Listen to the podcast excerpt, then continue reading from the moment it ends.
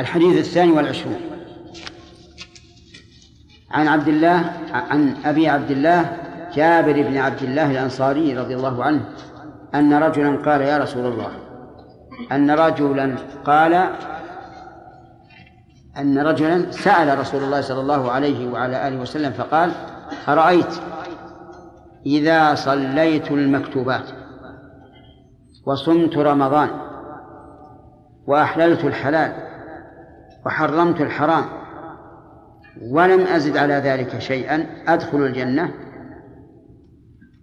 هذا محل الاستفهام. أدخل الجنة؟ قال نعم رواه مسلم. ومعناه حطمت الحرام اجتنبته. ومعنى أهلت الحلال فعلته معتقدا حله.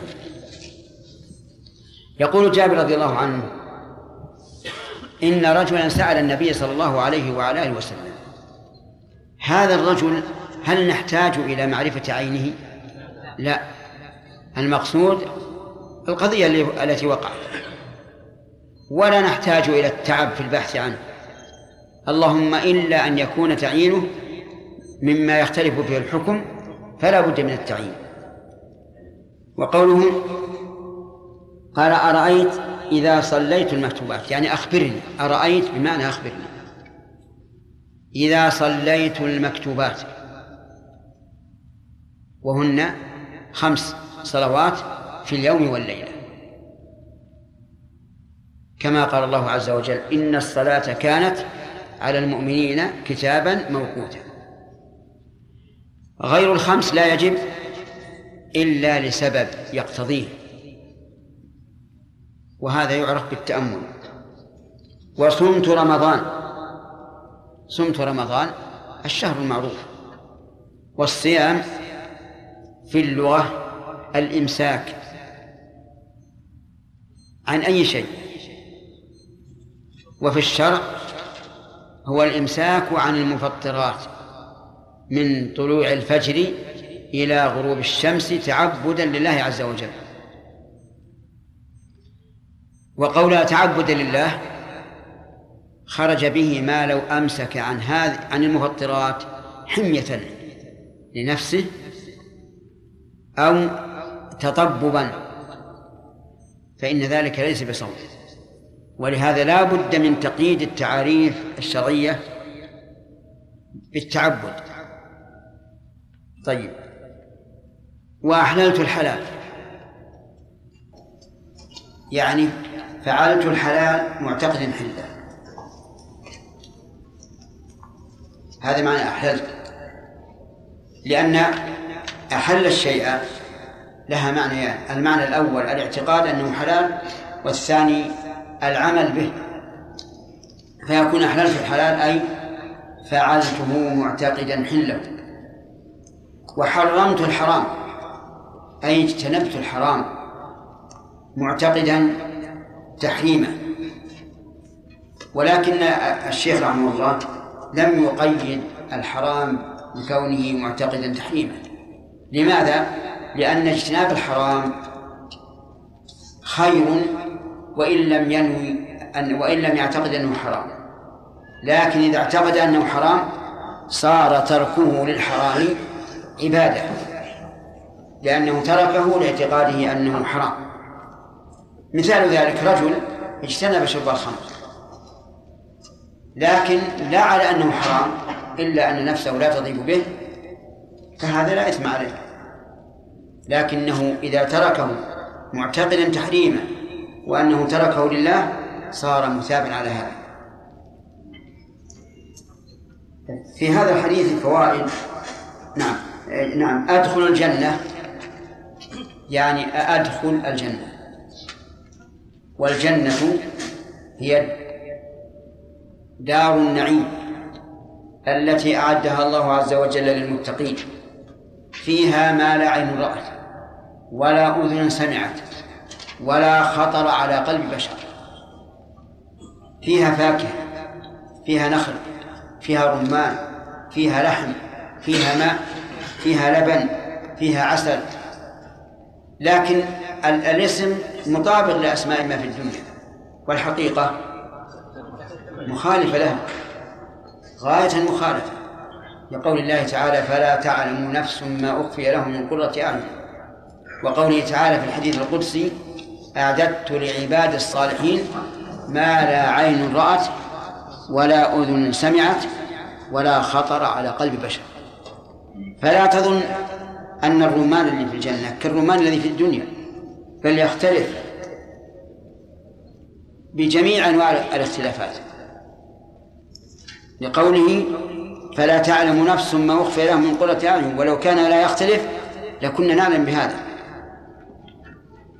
قال نعم نعم حرف جواب. لإثبات المسؤول عنه. والمعنى نعم تدخل الجنة. ففي هذا الحديث فوائد منها حرص الصحابة رضي الله عنهم على السؤال. ومنها بيان غايات الصحابة وأن غاية الشيء عندهم إيش؟ دخول الجنة. دخول الجنة لا كثرة الأموال ولا كثرة البنين ولا الترف في الدنيا. ولهذا لما قضى أحد الصحابة للنبي صلى الله عليه وسلم حاجة قال له النبي صلى الله عليه وعلى آله وسلم اسأل ماذا تريد؟ قال أسألك مرافقتك في الجنة. قال أو غير ذاك؟ قال هو ذاك. قال فأعني على نفسك بكثرة السجود أي بكثرة الصلاة. هذا الرجل ما سأل أموالا لا نقودا ولا مواشي ولا قصورا ولا حرثا. سأل الجنة. مما يدل على كمال غاياتهم رضي الله عنهم. ومن فوائد هذا الحديث أن الإنسان إذا اقتصر على الصلاة المكتوبة فلا لوم عليه ولا يحرم من دخول الجنة. لقولها أرأيت إذا صليت المكتوبات؟ فإن قال قائل قد قال بعض العلماء بل قد قال الإمام أحمد رحمه الله في من ترك الوتر قال هو رجل سوء لا ينبغي أن تقبل له شهادة. فالجواب أن كونه رجل سوء لا يمنعه من دخول الجنة فهو رجل سوء ترك الوتر وأقله ركعة. مما يدل على أنه مهمل ولا يبالي. إذ لم يطلب منه ركعات كثيرة بل ركعة واحدة ومع ذلك يتركها. ومن فوائد هذا الحديث أن صوم رمضان وكذلك الصلوات من أسباب دخول الجنة. وقد ثبت عن النبي صلى الله عليه وعلى آله وسلم أن من صام رمضان إيمانا واحتسابا غفر الله له ما تقدم من ذنبه. ومن فوائد هذا الحديث أن أن لا يمتنع الإنسان من الحلال. لقوله وأحللت الحلال. فكون الإنسان يمتنع من الحلال لغير سبب شرعي مذموم. سواء كان ذلك من اللباس أو من الطعام أو من المركوب أو من المسكون. الامتناع عن الطيبات بدون بدون سبب شرعي مذموم وليس بمحمود ومن فوائد هذا الحديث تحريم الحرام بمعنى اجتنابه. والحرام ما حرمه الله في كتابه أو على لسان رسوله صلى الله عليه وعلى آله وسلم.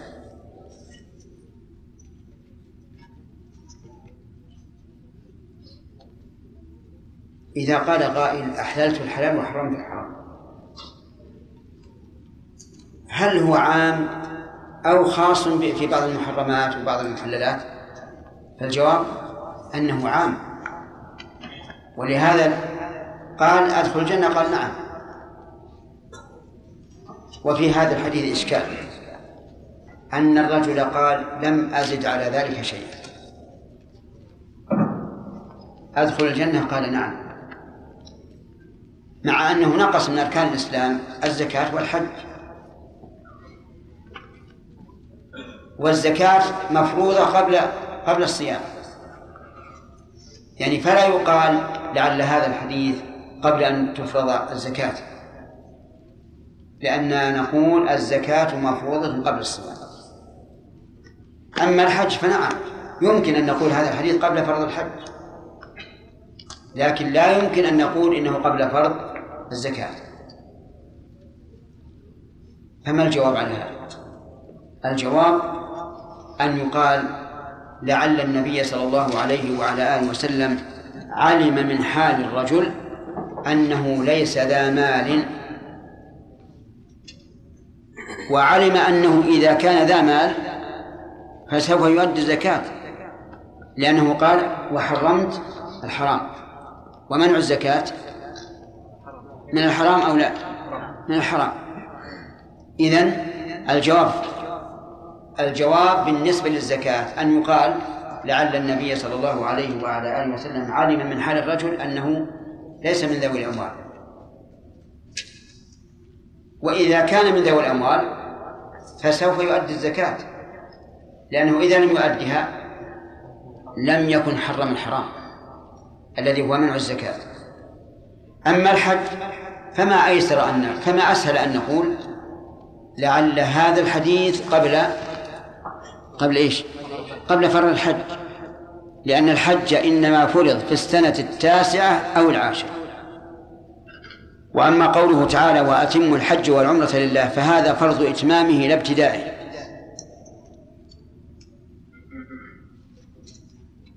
ومن فوائد هذا الحديث أن الجواب بنعم إعادة للسؤال.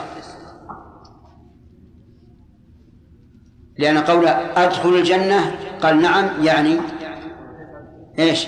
يعني تدخل الجنة. ولهذا لو سئل الرجل فقيل له أطلقت امرأتك؟ قال نعم. تطلق؟ تطلق. لأن قوله نعم أي طلقته ولو أوجب الولي العقد عقد النكاح. وقال للرجل زوجتك بنتي فقلنا له أقبلت؟ قال نعم. يكفي في القبول أو لا يكفي؟ يكفي. لأن نعم آه، كإعادة السؤال. وهكذا في كل موارد نعم اعتبرها اعتبرها إعادة للسؤال. طيب لو سئل أوقفت بيتك؟ قال نعم. ماذا يكون؟ يكون وقفا. أبعتك أبعت سيارتك على فلان؟ قال نعم. يكون أقر بالبيع. نعم. لو عامي لا يفرق بين نعم. وبلى نعم وقيل له ألم تطلق زكاة قال بلى؟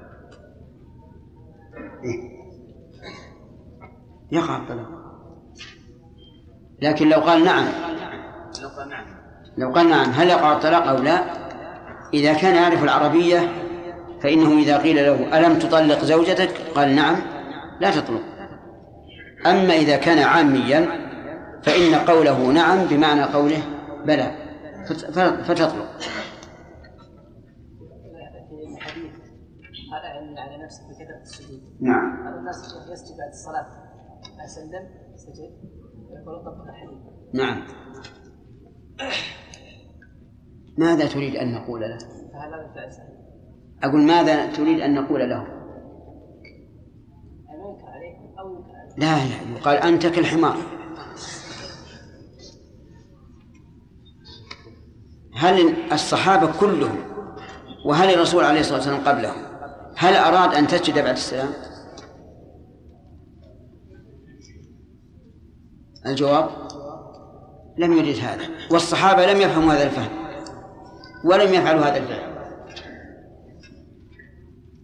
ثم كثرة السجود لو. لو تنزلنا على فهم هذا هذا البليد إذا كان المعنى أن الإنسان يجلس يسجد ثم يقوم ثم يسجد ثم يقوم ثم يسجد ثم يقوم ثم يسجد فيسجد ألف سجدة في خلال ساعة هل أحد يفهم هذا؟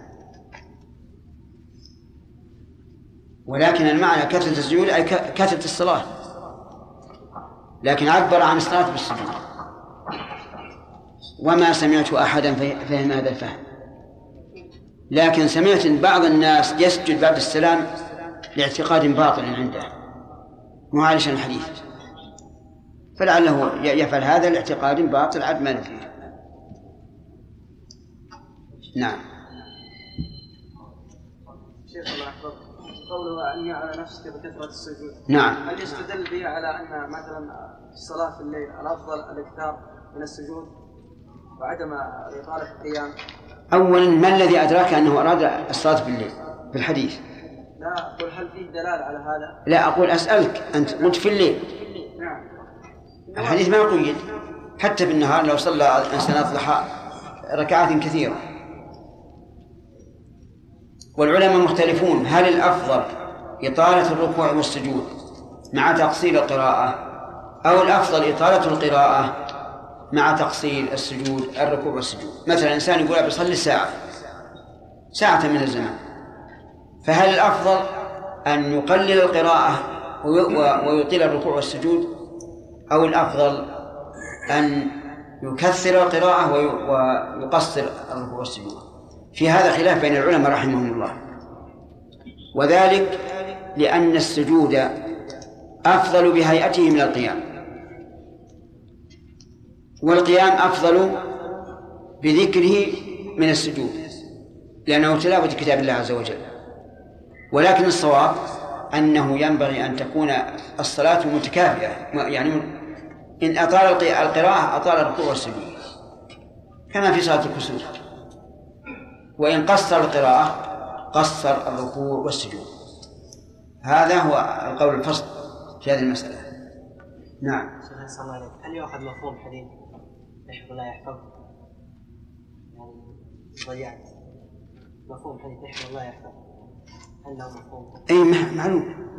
أنك إذا لم تحفظ الله لم يحفظك وما أكثر العقوبات التي ترد التي تقع على الإنسان بسبب إضاعة حق الله عز وجل. وقد قال الله تعالى واتقوا فتنة لا تصيبن الذين ظلموا منكم خاصة. نعم. ما قولك شيخ؟ في قول من قال يعني تقسيم الحياء إلى ممدوح ومذموم. نعم. غير متوجه. لقوله صلى الله عليه وسلم الحياء خير كله ولا ياتي بخير. فنقول في مثلا من ترك منكرا حياء أن هذا جبن وخور وليس حياء يعني من ترك منكرا ولا من تركها واجبا؟ عفوا من ترك إنكار منكر. من نعم نعم. يعني ما يعتبر حياء شرعي وإنما لا. يسمى جبن. لا الصحيح التقسيم. كما قال كما قال عز وجل إن الله لا يستحي من الحق. نعم. الشيخ أثابكم الله بعض الناس الذين ينكرون تقسيم التوحيد إلى توحيد إيش؟ بعض الناس الذين ينكرون تقسيم التوحيد إلى توحيد الألوهية وتوحيد الربوبية ويقولون إن الإيمان بتوحيد الربوبية يكفي في الدخول في الإسلام. يستدلون بقوله تعالى إن الذين قالوا ربنا الله ثم استقاموا نعم كيف نرد أين هم عن استقاموا؟ وهل يمكن أن يستقيموا وقد ضيعوا توحيد الألوهية؟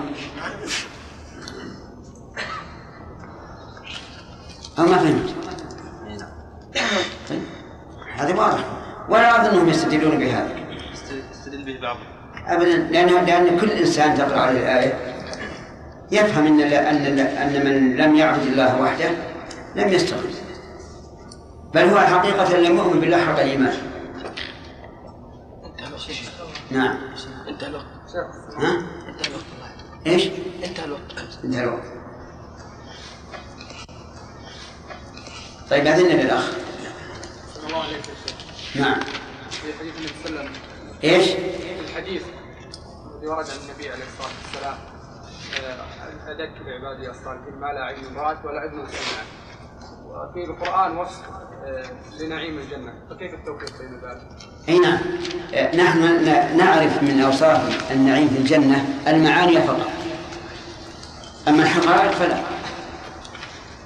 فيكون ما ما لا عين رأت ولا أذن سمعت حقا. لأن لأن أعيننا ما رأت مثل رمان الجنة ولا مثل نخل الجنة ولا مثل لحم الجنة ما رأت. والسماع نعم؟ والسماع السماع السماع نعم. ولا سمعت أيضا بأصوات الجنة أصوات الأشجار وهي تهتز ولا أصوات الحور العين